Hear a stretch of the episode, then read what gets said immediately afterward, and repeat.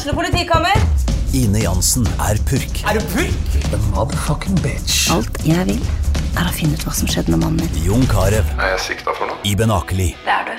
Ole So, Lars Berrum og Big Daddy Karsten. Hvem sin side er du på, egentlig? Anette Hoff, Tone Danielsen, Kommer du fra Afrika? Jørnis Josef, Nesten. Kløfta. Trond Espen Seim, Det er synd å si det, men det var feil mann som døde. Purk. Premiere tirsdag på TV2 Play. Hei, og velkommen til en ny episode av Debrif med Dag Sørås. Rett før jeg trykte på opptak, så sendte fruen meg et bilde av eh, en dagshund ute på tur, som altså ligner så jævla mye på mine På mine kjære avdøde Chomsky-dog. Og så jeg bare svarte Jesus, hvor det ligna.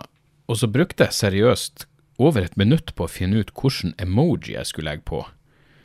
Eh, det må da falle inn under å overtenke ting. Det er tross alt ei melding til dama mi. Men jeg tenkte jeg må gå for Skal jeg gå for et trist ansikt? Uh, skal jeg gå for uh, en, sånn, en sånn tåre? Eller en større tåre? Eller fosstårer? Eller bare Så har du, har du sånn tårer i øynene og surt ansikt. Jeg kunne gått for hjertet. Jeg gikk for tårer i øynene og smil. Jeg tenkte det var det var det beste, fordi eh, Chomsky Dog ble jo eh, en voksen hund. Han ble vel eh, Nå må jeg tenke. 2018 født Han ble tolv år. Så, eh, så det er en respektabel alder. Da tenker jeg, da må man Det er det som er. Når, når noen får lov Når noen er så heldige at de får eh, leve et godt og langt liv, så er det Da kan man minnes dem på en annen måte enn hvis det er Hvis det er tristere omstendigheter eh, rundt deres, deres bortgang. Men, men, jeg kan overtenke sånne små ting. Sånn som så, jeg, jeg, gikk inn på eh, Jeg vet ikke om jeg nevnte det, men jeg gikk, det her var jo før sommerferien. Jeg har kjøpt noen solbriller som jeg digger hos Clocks and Colors. Og de lager vanligvis solide ting. De lager ringer, og jeg har ei lommelerke derifra som jeg er jævlig fornøyd med. Og så hadde jeg et par solbriller som er altså jævlig robust, som jeg brukte til helvete. Og så kjøpte jeg et nytt par. Og da jeg var på uh, Tons of Rock-festivalen, uh, ikke så lenge før jeg skulle på scenen, så sto jeg i, i ølkø, og så kjøpte jeg øl, og så gikk jeg ut for å se et eller annet band, og så jeg vet, jeg, vet, jeg vet, ikke om jeg bare skulle se meg i speilet, et eller annet, kanskje jeg skulle sjekke håret, gudene vet hva slags overfladisk faenskap jeg skulle gjøre. Så jeg holdt oppe uh, selfie-greia på kamera, og så så jeg bare Det der var merkelig, så jeg tok et bilde. og Jeg klarte ikke helt å skjønne hva det var som skurra, men da så jeg at jeg hadde ikke, jeg hadde ikke glass på det ene øyet. Så jeg gikk tilbake til der jeg kjøpte øl, og så fant jeg heldigvis glasset, men den lille skruen var jo borte. Og jeg leita og leita og leita. Jeg leita så lenge at det begynte å bli Det begynte å bli flaut. Og det kom faktisk ei vakt bort og spurte hva i faen hva i faen er det Eller han sa ikke det, han sa bare 'unnskyld meg, hva, hva du gjør for noe?' Og så prøvde jeg å forklare. Jeg mista, skru, og den er vanskelig å finne, og så måtte jeg bare bite i det sure eplet. Men på det tidspunktet så innbilte jeg meg jo Jeg kan jo ingen fuckings ting om uh, solbrillekonstruksjoner. Så jeg innbilte meg at det var jævlig vanskelig å få tak Kanskje ikke går an å få tak i en sånn skru. Kanskje jeg må sende en mail og be om å få tilsendt en skru fra Clocks and Colors. Eh, lite visste jeg at det var egentlig bare å ta med seg solbrillene på uh, den lokale Specsavers på senteret her. Uh, Specsavers på Manglerud-senteret. Og uh, jeg sa bare sånn Du, jeg, de her solbrillene er ikke kjøpt her, men jeg bare lurte på om du har noen mulighet til å hjelpe meg. Det er noen jævla skru og bla, bla, bla. Så hun tok den med bak. Og så begynte hun å jobbe litt, og så, sa, så hørte jeg hun sa den var vanskelig. Hun, sa, hun, hun dama som hjalp meg, sa til en annen fyr som jobba der, at den her var vanskelig å få på plass, eller et eller annet sånt. Og så kom hun tilbake med solbrillene, og så sa hun nå har jeg satt i en ny skru, og jeg stramma til de andre skruene. Jeg sa tusen hjertelig takk, og så tok jeg frem visakortet mitt, og så sa hun nei, du, det er null stress, du trenger ikke å betale. Og jeg ble sånn fuck, så jævla hyggelig. Det var da virkelig hyggelig gjort. Og så, eh, mens jeg var i Bulgaria, så datt faen meg det andre eh, brilleglasset ut. Og uh, denne gangen så klarte jeg å berge skruen, så jeg hadde den, men jeg kjefta det for meg sjøl. Jeg har ikke gjort noe annet. Bare, det, eneste jeg har gjort med brillene, er at jeg hadde dem hengende i, i T-skjorta. Uh, og det bør de da faen meg tåle, uh, særlig med tanke på hvor, hvor solid de andre solbrillene fra samme produsent er. Men de her er jævlig mye tyngre, skal, skal sies. Men jeg har gått jeg, jeg tok dem til og med med. Jeg vet da faen om det, om det her er en form Om det her kan diagnostiseres, og om det er, om det er alvorlig. Gudene vet. Men jeg tok i hvert fall med meg Jeg tok i hvert fall med meg eh, solbrillene for å gå tilbake til Specsavers. Og så var det jo samme dama som sto der, så da lot jeg være.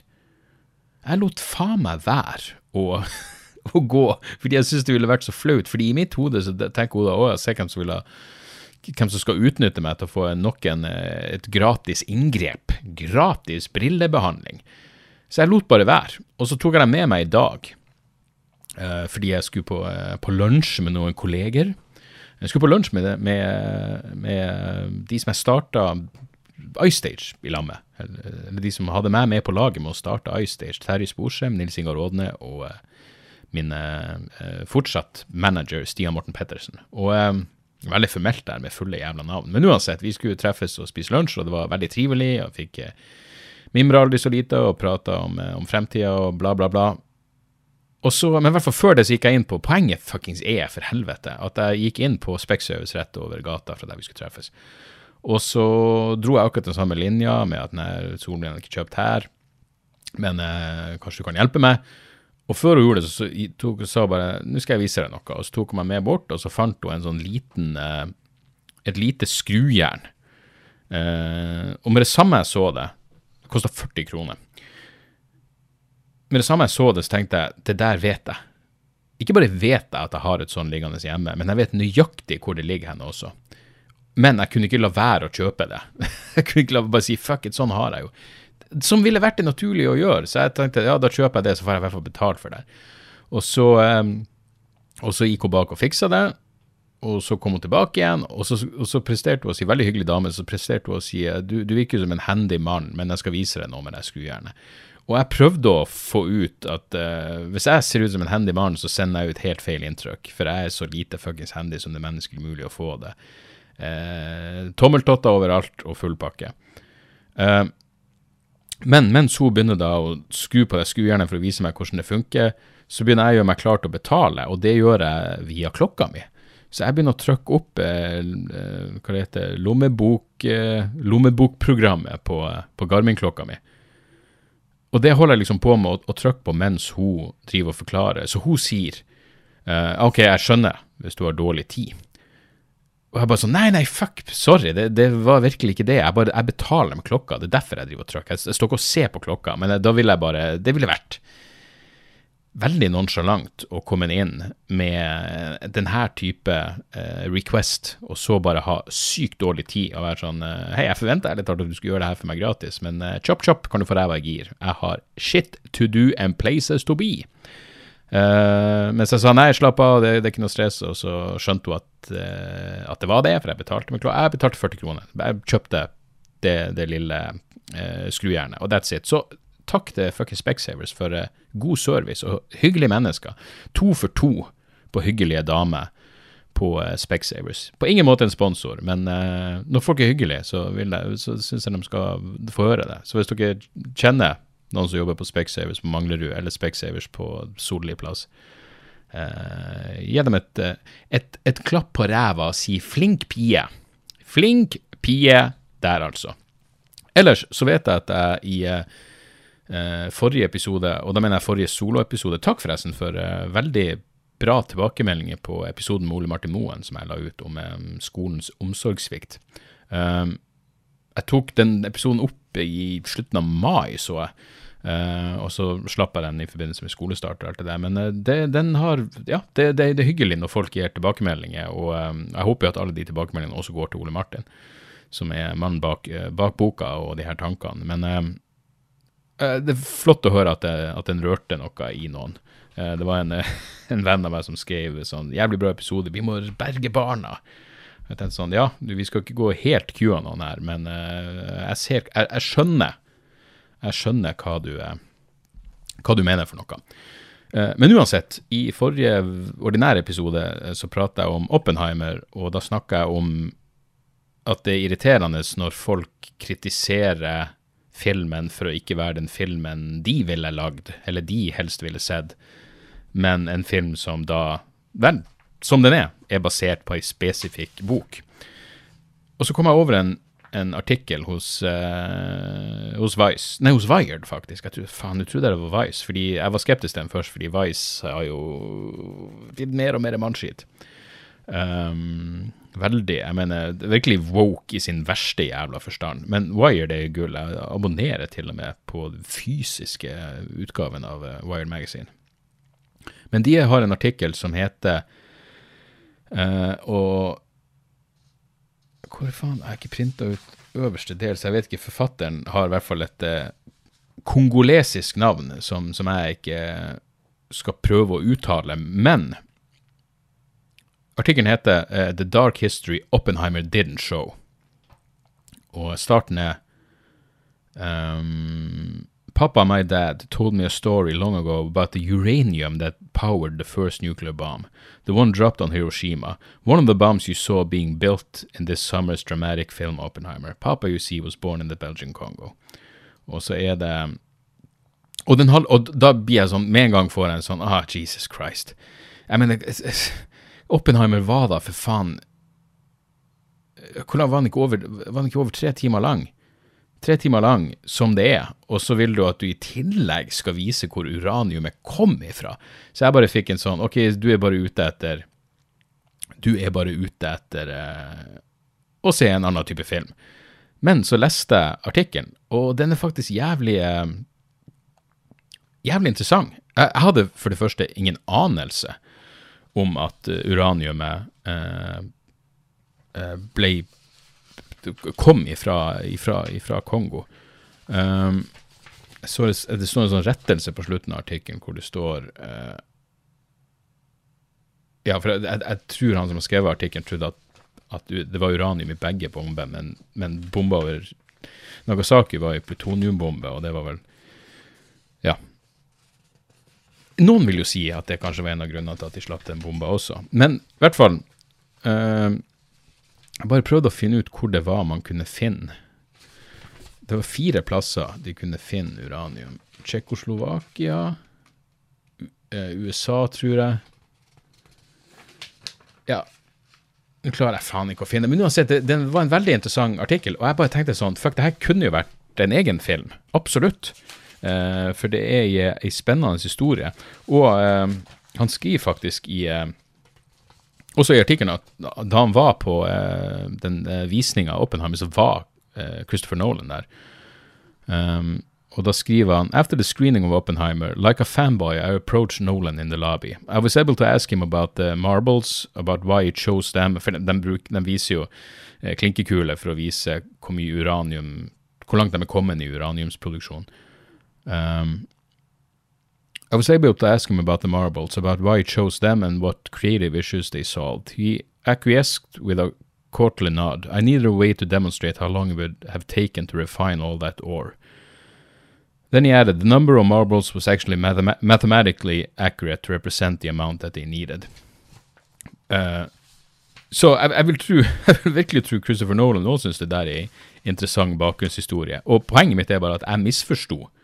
For det er en ting å si Altså, det, det, er en stor forskjell på å si uh, det her er noe som filmen ikke visste, uh, noe som ikke var med i filmen, kontra det å si hei, det er en bakgrunnshistorie til uraniumsutvinninga som, som muliggjorde uh, Trinity-bomba.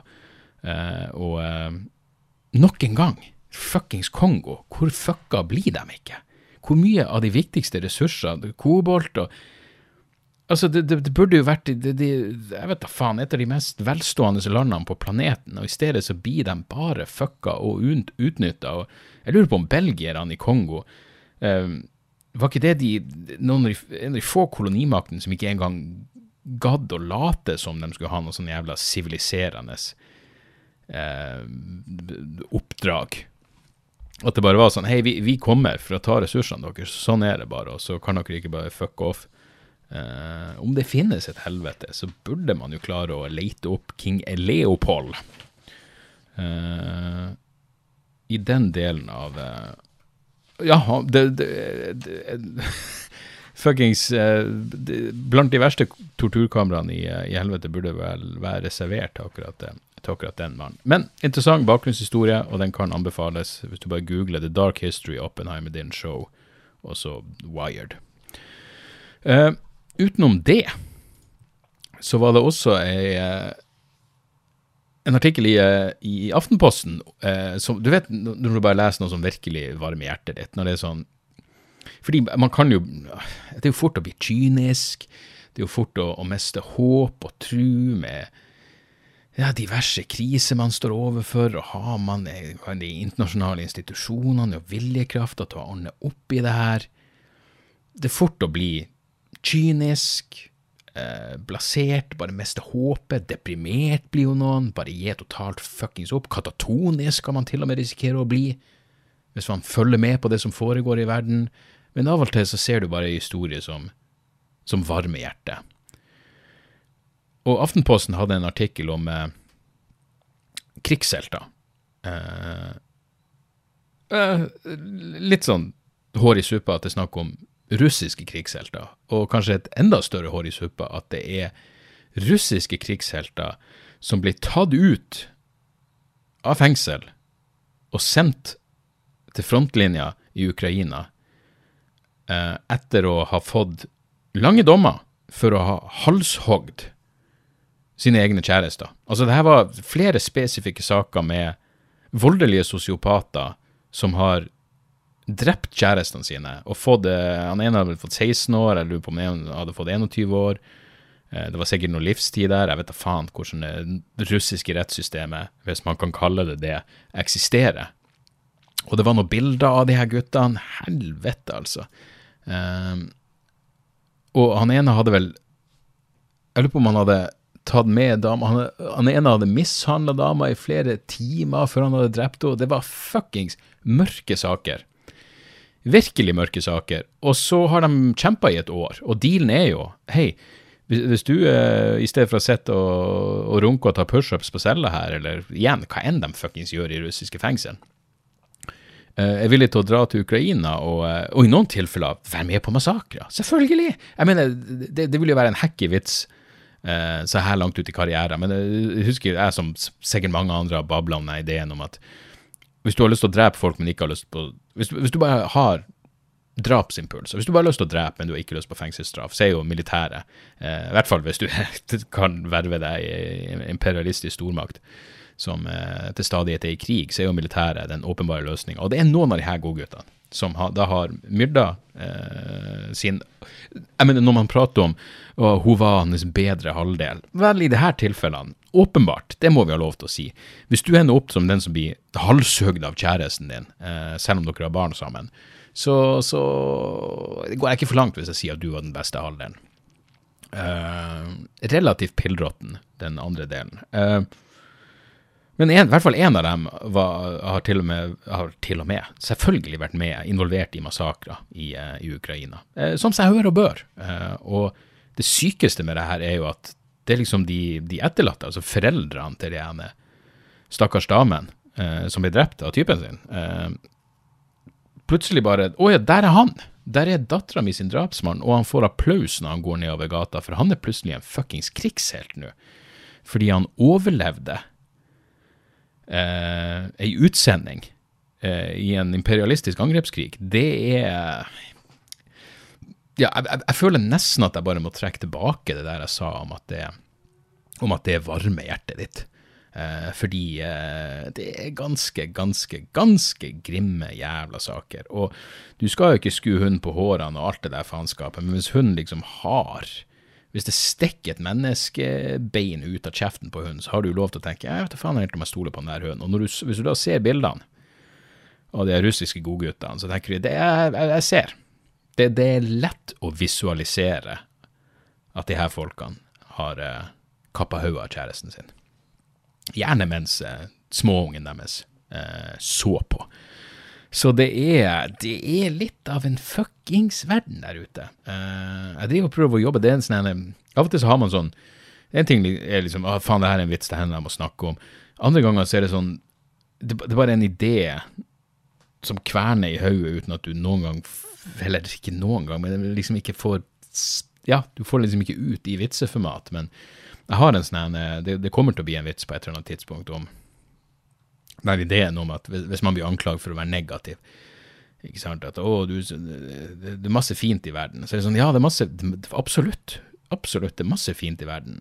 Men er det sånn at det fine og det jævlige går opp i opp? Er, er det ikke per definisjon sånn at det jævlige eh, aldri kan gjøre det, det, det, jævlige er så jævlig at det, man går ikke i null fordi det skjer fine ting.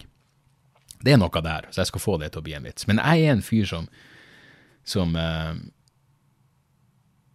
ja, jeg, jeg, av og til så jeg sliter liksom med uh, Og igjen, det, det, er noe som det, vet, det, er en sånn jævla greie som, som kommer med alderen. Altså på, på, samme måte som det der uh, at det er vanskelig å se Nå lurer jeg på, er det noen som vet det her? Jeg lurer på om mye Jeg visste at noen scener i Faces of Death var, var faka, at det ikke er ekte dødsfall. Men det er en blanding av, av ordentlige opptak av folk som dør, og, og, en del faka ting. Men det er i hvert fall noen ting der som er åpenbart ekte, som sånn en um, Han som blir uh, tatt i den elektriske stolen. Uh, men jeg vil, jeg vil ikke sett på de tingene nå. Jeg klarer ikke å se på sånne ting. Jeg, jeg leste en greie i dag om eh, eh noen narkokartell som hadde kidnappa noen folk og få dem til å drepe hverandre. Altså Narkokartellene i Mexico, det, der, der har du liksom det Hva heter det? Sinola Sinola? Det hørtes ikke rett ut. Hva faen heter? Sia Sinola Er det Sinola? Kartellet. Jesus, hvis, hvis, hvis PST driver og følger den jævla lista mi her Sin, Sinaloa-kartellet. Sinaloa. Sinaloa-kartellet. Ok. Hvis de driver og setter meg på noen noe liste For da, da hadde de Det her kartellet hadde drevet og eh, kidnappa folk og sikkert få dem til å ha gjort noe faenskap. Og så fikk de dem De hadde sånn death matches som de satte dem i. De ga dem slegge, og så måtte de bare ja, hei, hvis du overlever, så overlever du, men nå må du drepe, nå må du drepe vennene dine. Det er fuckings Hva er det gode som skal veie opp for det her? Se, se det, det, er noe i den tanken. Men uansett, når vi prater om å være på ei liste Jeg fant jo plutselig ut uh, Skal vi se her, hva var eh, Det begynte med at eh, Elden Skal bare lete opp her. Ja, Jon Christian Elden skrev følgende på, på Twitter i går. Hei, altså etter regjeringa. Hvordan og hvorfor har dere registrert meg som medlem av hashtag narkotwitter og spredd påstand offentlig? Har dere lov til det? Hvilke registre er det ført i? Hva er egentlig narkotwitter? De som støtter regjeringens forrige lovforslag? Spørsmålstegn. Så jeg går inn og ser på det her. Faen ble det av den jævla og Det er noe som er lagt ut på det, Og han refererer da bare til en link på regjeringa.no. Uh, skal så bare få opp den her. Og den heter Det er en analyse utført av Infomedia. Eh, rolleforståelsesutvalget. Medieanalyse av Twitter-debatten om forholdet mellom politiet og NNPF. Eh, det som, ja, som før heter Norsk Narkotikapolitiforening. Og jeg vet jo at jeg har jo skrevet ting på Twitter om det her. Så jeg bare driver og går igjennom det her, og så er det litt sånn det er litt sånn rare ting som har vært påpekt. Eh, kjønnsfordelinga, det er liksom kun 16 er kvinner, står det. Liksom skal vise hvor mange menn som er i eh, for, for, en overvekt av menn det er i rusdebatten, men så er det vel 32% var det det som var ukjent. Så da er det vel mest sannsynlig uh, Ja, ukjent 32% Ja, jeg vil tro noen av de ukjente er kvinner. Uh, det er jo fordi det er snakk om anonyme kontoer. For det de da har gjort, er at de har gått gjennom folk som, folk som har uttalt seg om uh, rolleblanding og, og eh, hva enn man skal kalle det. hva enn man skal kalle det politiet og NNPF har holdt på med. Og så ser jeg jo til min eh, skrekk og gru at jeg er faen meg nevnt på lista over på lista over eh, de Twitter-kontoene som har vært aktive i denne debatten, som har flest følgere. Eh, det er Elden over, så er det Lars Vaular, eh, og så er det Reporter Phoenix, og så er det meg, så er det faen meg Dag Soras. Og da har de også gått igjennom, uh, for de har en stolpe for ut, ikke bare kjønn, men utdanning og lokasjon. Og jeg tenker sånn, jeg bare fikk en sånn creepy følelse på hele greia. Bare man satt på ei fuckings liste nå, og det er og er regjeringa som har publisert det her. Og så står det jo kontakt. Nikolai Tangnes han som har eh, ut, er analytikeren som har utført det her. Og det er ikke bare en mailadresse, men det er faen meg telefonnummeret hans. Jeg kunne jo, hvis jeg ville, bare ringt han. Og jeg ville spurt sånn, sånn hva um, Hvordan havna jeg i denne analysen nøyaktig? Uh, og har du sjekka opp hvordan utdanning jeg har, osv., osv., osv. Og så ble jeg jo litt påvirka av uh, av at Elden uh, gikk så hardt ut. Og jeg tenkte samtidig, fordi det er, det er For noen er jo trukket frem mer enn andre, og Elden og, og hans Fredrik Martinussen, som er jusprofessor ved Universitetet i Bergen, er det vel, er nevnt mye. Og der er liksom profil, med profilbilde fra Twitter og greier. så jeg bare skrev Så jeg sendte en melding til til Hans Fredrik og bare spurte Jeg bare skrev sånn, jeg er litt forundra av den medieanalysen. det noe jeg kan kreve å få innsyn i her, hvorfor er jeg er på lista. Men han svarer det, det, dette er ganske uh, kort analyse av kritikk og støtte av NNPF i media. Trolig for å gi balanse opp mot uh, Birgitte Ellefsens uh, forskningsprosjekt om NNPFs manipulasjon av media. men muligens også for å vise at folk reagerer kraftig i offentligheten på, på rolleblanding. Eh, det er kartlagt åpne kilder, altså omtale på Twitter av en nøytral forsker. Jeg oppfatter det ikke som spesielt negativt eller personfokusert. Og jeg er vi vel begge enige om at vi egentlig bare er stolt over å være med på denne lista. Eh, men så sier han hvis du spør forskeren direkte, så kan du sikkert få et ok svar på det du lurer på. Og det gjorde at jeg ble litt mer sånn Ok, kanskje ikke er så jævla Jeg mener, jeg, hadde, jeg ble, ble ikke noe jeg fikk, jeg, De eneste negative følelsene jeg fikk, var litt sånn Hva er det slags listefølelse? Jeg føler at det, det her potensielt kan være ganske stigmatiserende. Jeg syns det er rart at man ikke har fått noe beskjed eller heads up. Men igjen, jeg vet nok til å vite hvor lite jeg vet eh, når det kommer til akkurat denne type ting. At jeg ikke har den fjerneste anelse om det juridiske eller praksisen rundt denne typen analyser. Derfor det var greit å, å spørre noen som eh, å spørre noen som, eh, som faktisk har eh, har peiling. Så da var det vel ikke så Skal vi se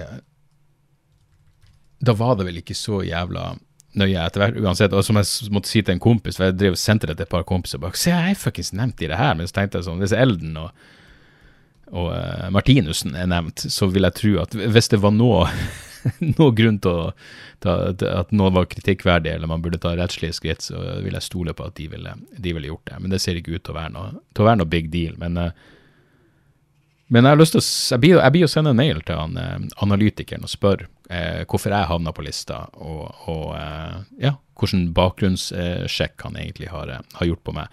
Og selvfølgelig, som alltid hvis du er inne på fuckings Twitter, så er det jo Jeg bare så i kommentarfeltet rundt Eh, det, når, da Elden la det ut, at, at folk er rett i konspilleren, og nå kan vi få problemer til å eh, nå kan vi få problemer med å reise inn i enkelte land, og vi kommer til å bli ekstra sjekka for drugs og ditt og data. Det er sånn, ok, uh, det, det, Den her kom vel ut ja, Jeg lurer på om det her var publis...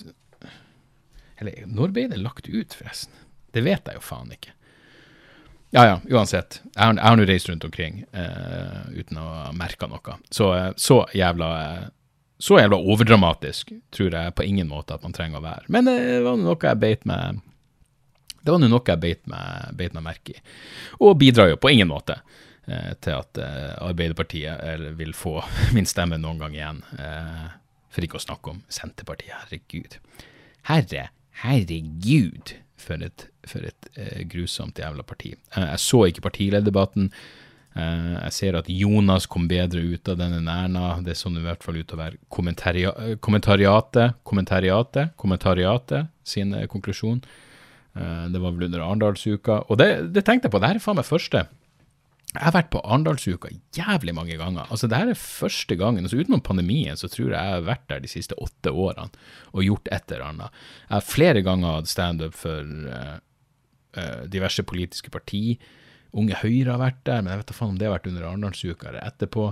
Og jeg hadde show for uh, ja, forskjellige aktører. Jeg skrev til og med et sånn Eh, jeg skrev et eget halvtimesett om fremtidens arbeidsliv og automatisering for mange år siden. Det burde jeg faen meg tatt og sett på om det var noe materiale der jeg kunne tatt med meg videre. Det tror jeg var for LO. Men uansett, poenget er jeg har vært jævla mange ganger på, på Arendalsuka, og fy faen, jeg har aldri vært en plass hvor jeg har følt meg så lite hjemme. Klart, jeg er jo ikke i jeg er vel sikkert, om så indirekte, en del av skravleklassen, men, men liksom, jeg, jeg, det er ikke som jeg henger med journalister, og i hvert fall ikke med noen lobbyister og all slags. Så, så, med tanke på hvor mange ganger jeg har vært der, fy faen hvor sykt det er virkelig. Der, der har det ikke vært noe plass hvor ja, la oss gå ut og mingle litt etterpå. Nei, helvete heller. La oss komme oss rett tilbake på hotellet. Eller som jeg har gjort et par ganger. Båten, båten hvor jeg har endt opp med å bo. Hvis noen booker etter det der og ser dem treigt ute for billettene, nei, billettene, hotellene blir jo fullstappa fort som faen. Så har de båter liggende, så, så, ja, så, så har du en, en, liten lugar som du bor på. Uh, men uh, ikke noe tap. Jeg bare syns, uh, det var interessant når jeg egentlig tenkte over i år, siden jeg ikke skulle dit, hvor jævlig mange ganger jeg faktisk har, har, vært der og aldri følt meg hjemme. Jeg har, jeg har ikke hatt noe negativt. Stort sett bare hatt Showene har vært helt ok, men liksom eh, Der treffer jeg ikke folk jeg kjenner. Og det er sikkert eh, Det er sikkert eh, like greit, vil jeg si. Uh, utenom det, jeg ga uh, godeste Joe Rogan en ny sjanse. På, ikke en ny sjanse, jeg hørte på en episode av Joe Rogan fordi han hadde Tim Dylan eh, om bord. Og um, å, gud i himmelen. Det, det, det, har bare blitt sånn at det er vanskelig for meg å høre på.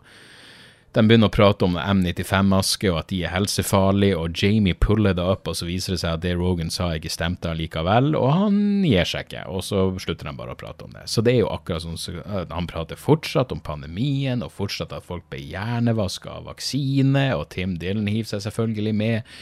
De er virkelig med på å spre den der hvis du bare gjentar ting Jeg, jeg tror jeg, det, det kom ut en ny episode av Dialogisk eh, i dag, faktisk. Eh, og eh, jeg, hvor jeg og Gunnar jeg tror vi prater, Hvis jeg husker rett, så snakker vi om det her at ja, Goebbels the big lie. Hvis du bare gjentar ting mange nok, vi gjentar løgner mange nok ganger, så sementerer det seg som en, som en, slags sannhet. Eller som en sannhet i hodet til mange.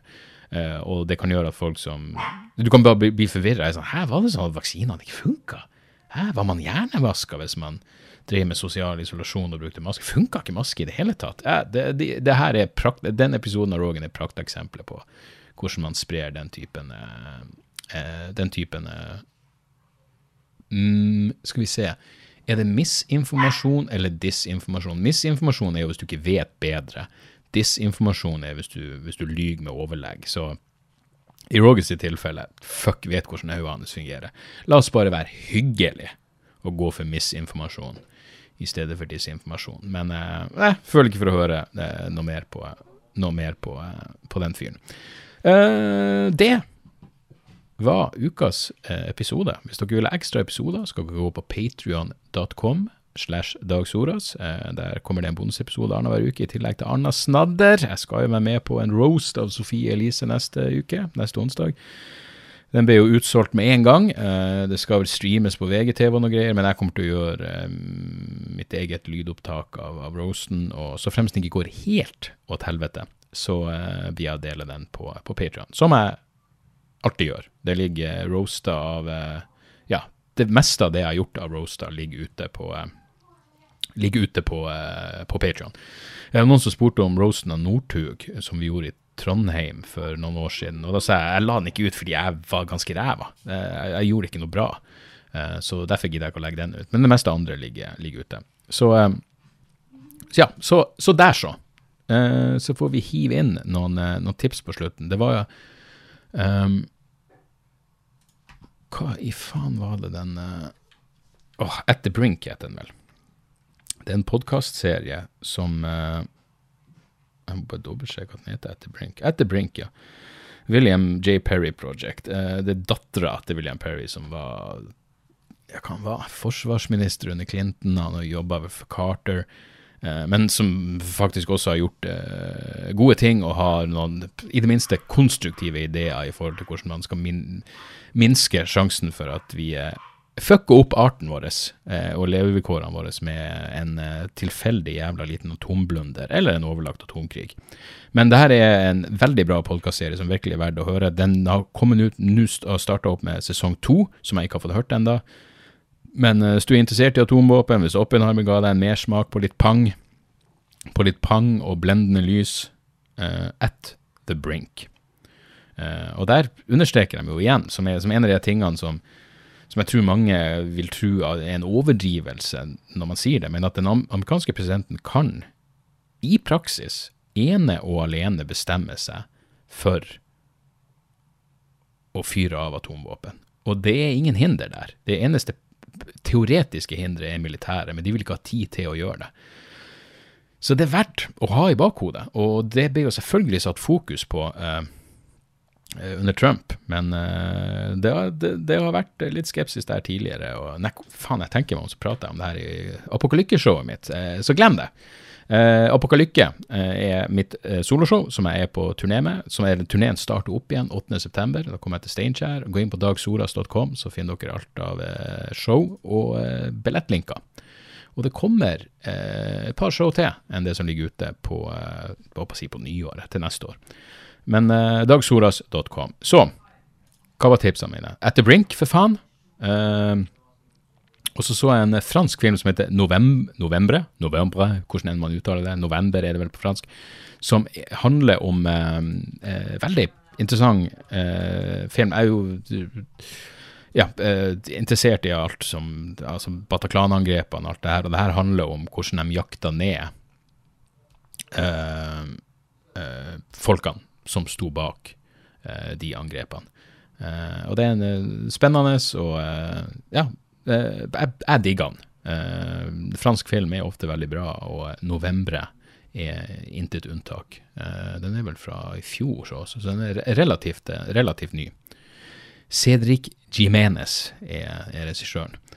Uh, ja. Og fuckings et musikktips. her er det, det, det det, eneste er at jeg er litt usikker på, på uttalen. Uh, og det er jo et band jeg hadde hørt om før. Uh, men altså, de heter Gottrym. Altså G-O-D-T-H-R-Y-M-M.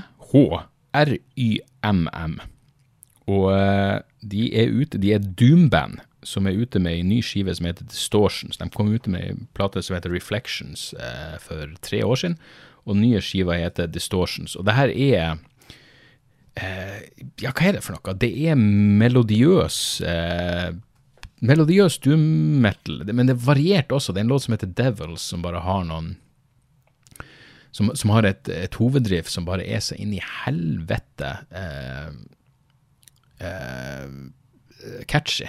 Og det er veldig Paradise Lost-aktig til, til, tider. Jeg, husker noen sammenlignet med Paul Bearer også. Uh, og det er jo uh, eh, folk som har spilt i My Dying Bride, blant annet, og det burde jo ja, Du skjønner at det her er, det her er eh, kvalitetsmusikere som lager kvalitetsdoom. Og eh, skiva er helt fuckings konge. Og like, liksom litt eldre Anathema. Uh, også ja, Paradise Lost-viben uh, er også ganske tydelig. Så ja, hvis, hvis, du liker noen av de bandene jeg har nevnt, så må du sjekke ut Gottrim. Gottrim Distortions. Fuckings Ja, virkelig noe av det bedre som er kommet ut i år. Knallskive. Så der. Det skulle være uh, ukas episode. Takk for at dere hører på. Spre gjerne ord om podkasten hvis dere føler for det. Og så, um, og så høres vi snart igjen. Ait? Ait. Tjo og hei da. Har du et enkeltpersonforetak eller en liten bedrift? Da er du sikkert lei av å høre meg snakke om hvor enkelt det er med kvitteringer og bilag i fiken, så vi eh, gir oss her, vi. Fordi vi liker enkelt. Fiken superenkelt regnskap.